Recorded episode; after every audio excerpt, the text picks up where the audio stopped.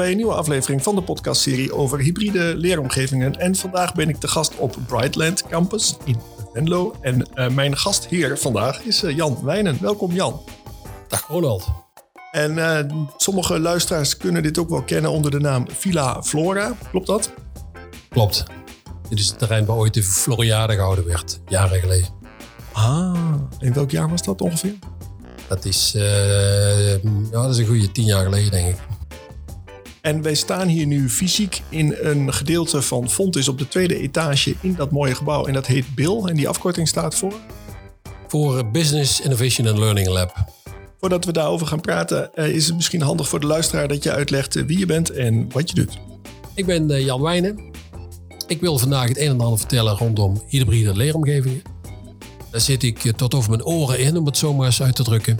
Dat is ook mijn passie. Ik vind het hartstikke leuk om theorie en praktijk bij elkaar te brengen. Dat gebeurt bij hybride leeromgevingen. Daar is geen draaiboek voor. Ieder project is anders. Elke groep studenten is anders. Er is overal andere dynamiek en timing. Nou, daar wil ik het over hebben. Om het ook meteen praktisch te maken. Op dit moment zijn we bezig met vier projecten rondom circulaire transitie. Om de eerste beet te pakken dat gaat over circulair voedsel. Dus we zijn bezig om een nieuw soort supermarktconcept te ontwikkelen. Waarbij, waarmee we eigenlijk aan de voorkant voedselverspilling terugdringen en daarmee ook uh, CO2-reductie, et cetera. Supermarkt is eigenlijk niet het goede woord, want dat is weer een oud concept. We zijn nog aan het, aan het, uh, aan dubben. Wat is het nou? Is het een food market? Dus eigenlijk is het een heel ander concept. Eigenlijk allerlei circulaire principes.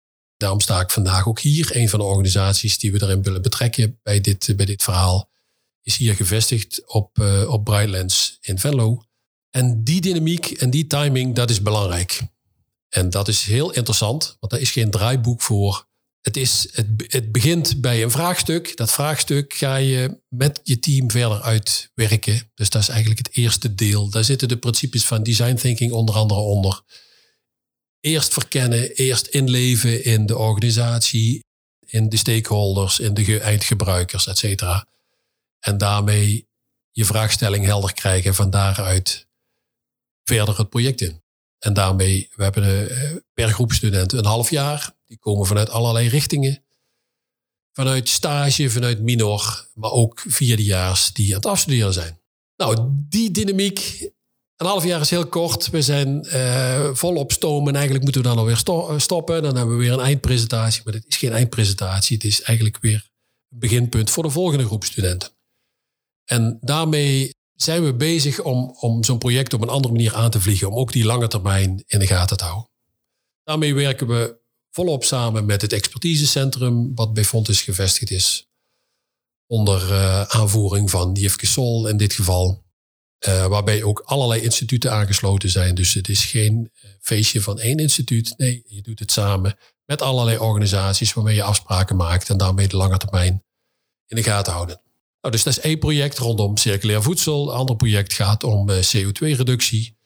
Daarmee werken we samen met een innovatief bedrijf vanuit Venlo, gevestigd op Hightech Campus. Carbion en Carbion houdt zich bezig. Uh, die maken eigenlijk machines om CO2 uit de lucht te halen. En dan zijn ze op zoek naar ook manieren, andere manieren dan het onder de grond op te slaan. Daarmee hebben ze de frisse blik van studenten nodig. En daarmee zitten we nu in de fase van hoe vertellen we dat verhaal? Er zijn heel veel misvanten rondom CO2. Heel veel mensen hebben er een mening over of weten er iets van. Maar eigenlijk hoe het precies zit, weten heel weinig mensen. Nou, we zitten nu in de fase van hoe krijgen we dat nou op een leuke manier verteld aan mensen.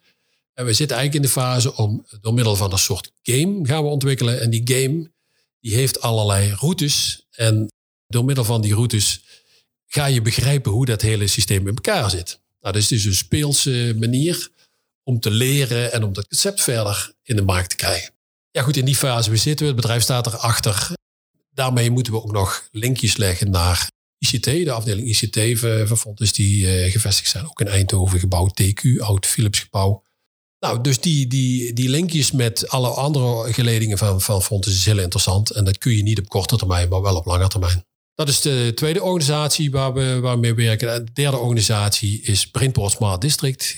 Gevestigd bij Brandenvoort en Helmond. Dus het ligt eigenlijk pal tussen, tussen Eindhoven en, en Helmond in. Je hebt een enorme hoge ambitie en die ambitie is de slimste wijk van Nederland te worden. Daarmee praat je dus over alles wat er mee te maken heeft. Dus zowel van participatie, mobiliteit, energie, dataopslag en ga zo maar door. Je hebt geloof ik acht programmalijnen.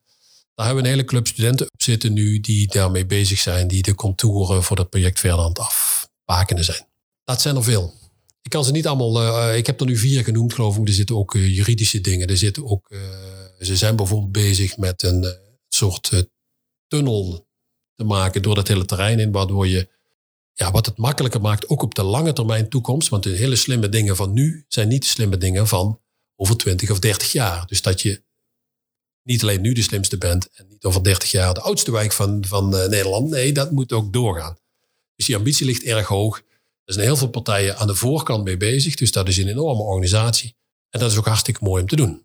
Er staat nu één woning. Dat is de CASA-woning, ontwikkeld door een club studenten vanuit eh, TU Eindhoven. Nou, zo ontstaan er ook toevallig dingen. Ik was daar op bezoek. Iemand heeft mij daar rondleiding gegeven. Dat ding was net klaar. Daar kwamen de eerste bewoners kwamen erin. Uh, toen vroeg ik aan die, aan de, die jongen die daar, uh, student die daarmee bezig was. Ik zeg, wat ga je nu doen? Nu project is klaar. Hij zegt, nou, we gaan nou een project doen eh, om een hele slimme supermarkt op te richten. Nou, linkje is zo gelegd naar het eerste project wat ik net vertelde. Dus maar zien waar dat, uh, waar dat komt. Misschien is het wel een van de eerste dingen wat op het terrein zelf weer terugkomt. En als vierde project zijn we bezig met Innovatiehuis De Peel, heet die, heet die club. Die zitten ook in, uh, in Helmond. En die houden zich voornamelijk bezig met maatschappelijk verantwoord ondernemen.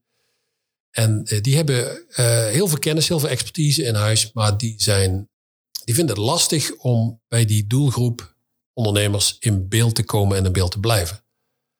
Maar daar zijn dus ook eh, studenten nu mee bezig om daar iets slims op te bedenken, iets nieuws op te bedenken, om op een natuurlijke manier ondernemers daarin mee te nemen en in te betrekken. Daar zijn we volop mee bezig. Dus rondom het centrale thema is circulaire transitie.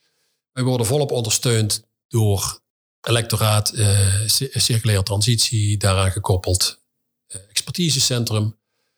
In een van de eerdere afleveringen van de podcast is dat teruggekomen. Fieke Geurt, onder andere aflevering 2 geloof ik. Hè? Nou, um, en zo proberen we steeds linkjes te leggen. En met name samenwerking en organisatie. Zoals ik al zei, die timing loopt niet altijd. Het is, niet, dit zijn, is geen lesmodule die, die je neer kunt zetten elke groep heeft ook een andere, een andere snelheid. De ene is in het begin langzaam en maakt op het eind een eindspurt of andersom. Dat maakt allemaal niet uit, want je hebt gewoon een gezamenlijk doel. Nou, dat is het in een notendop wat ik even snel wou vertellen. Ronald. Afsluitend stel ik altijd drie vragen aan mijn gesprekspartners. En uh, de eerste is, uh, welk uh, boek heb jij recent gelezen? Je mag ook een, laatste iemand, mag ik ook een film die ik gezien heb, mag ik dat ook delen? Ja, boeken. Ik, ik heb eh, mijn hele, mijn hele kantoor vol staan met boeken. Dus vind ik al een lastige keuze om er eentje uit te pakken. Maar vaak is het handigste om de, om de laatste te pakken. Dit ding is net binnen. Uh, The Meaning of Web. Dat is een nieuw, uh, is een nieuw boek. Ah, dat is het allernieuwste boek van Jeremy Land. Ik heb het ook besteld, maar het is nog maar net uit. Dus ik ben zeer benieuwd, uh, zodra jij het gelezen hebt, wat jij ervan vindt. En uh, heb je toevallig recent nog een film uh, gezien waarvan je denkt, nou, die moet je allemaal gezien hebben? Ja, ik heb, uh, dat, dat vind ik een fantastische film. Uh, dat is al wat een oudere film, maar die, die heb ik toevallig uh, afgelopen week heb ik die opnieuw gezien op tv. The Big Short, ik weet of je die kent. Fantastisch, daar zit alles in. Onder andere een drummer. The Big Short gaat toch over de financiële aanleiding naar de, richting de financiële crisis? Ja, ja, ja. ja. Oké, die drummer is mij dan ontschoten. Ah, Michael, Michael Burry, dat was de, een, grote investeerder. Die zat op zijn kantoor te werken en die deed vaak tegendraadse dingen. En als, als het te lang duurde, dan ging hij achter zijn drumstel zitten. Ah, leuk. Ja, die film heb ik zeker ook gezien. Uh, zeker de, de, moeite waard. Welke andere podcastseries luister jij zoal? Waar ik heel geïnteresseerd ben, is uh, uh, slimme dingen rondom natuur. Dus soms heeft de natuur al iets uitgevonden. En wij zijn eigenlijk vergeten wat dat, wat dat was. En dat wordt soms herontdekt. En er zijn allerlei leuke toepassingen. En met name dus dat praktisch maken van die toepassingen, dat vind ik heel interessant. En dat komt soms, soms langs. Ik heb nog niet per se één podcastserie dat je zegt van dat heeft een bepaalde naam die ik dan regelmatig luister. Zo, zo georganiseerd is het niet. En afsluitend mijn vraag. Naar wie zou jij eens willen luisteren in het kader van deze podcastserie? Nou, wat wel interessant zou zijn, is ook vanuit uh, het expertisecentrum om uh, Jefke Sol haar verhaal te laten doen. Die zit helemaal in het thema. Uh, en daar ligt ook een hele grote ambities, ook om vanuit het expertisecentrum een hele hoop hybride leeromgevingen op te zetten, et cetera. Dus ik denk dat dat verhaal heel interessant is om te luisteren. Ook een goede zou zijn Elf Romans. Een collega die zich bezighoudt vanuit techniek met eh, allerlei eh, thema's en is volgens mij ook bezig met eh, energietransitie. Dus ik denk een heel interessant verhaal om te luisteren. Top, dank voor deze adviezen. En daarmee zijn we aan het einde gekomen aan deze aflevering van de podcastserie over hybride leeromgevingen. Jan, dank. Graag gedaan, Ronald. En voor de luisteraars, bedankt voor het luisteren. Vergeet niet om je te abonneren, want binnenkort staat er weer een nieuwe aflevering voor je klaar. Graag tot al.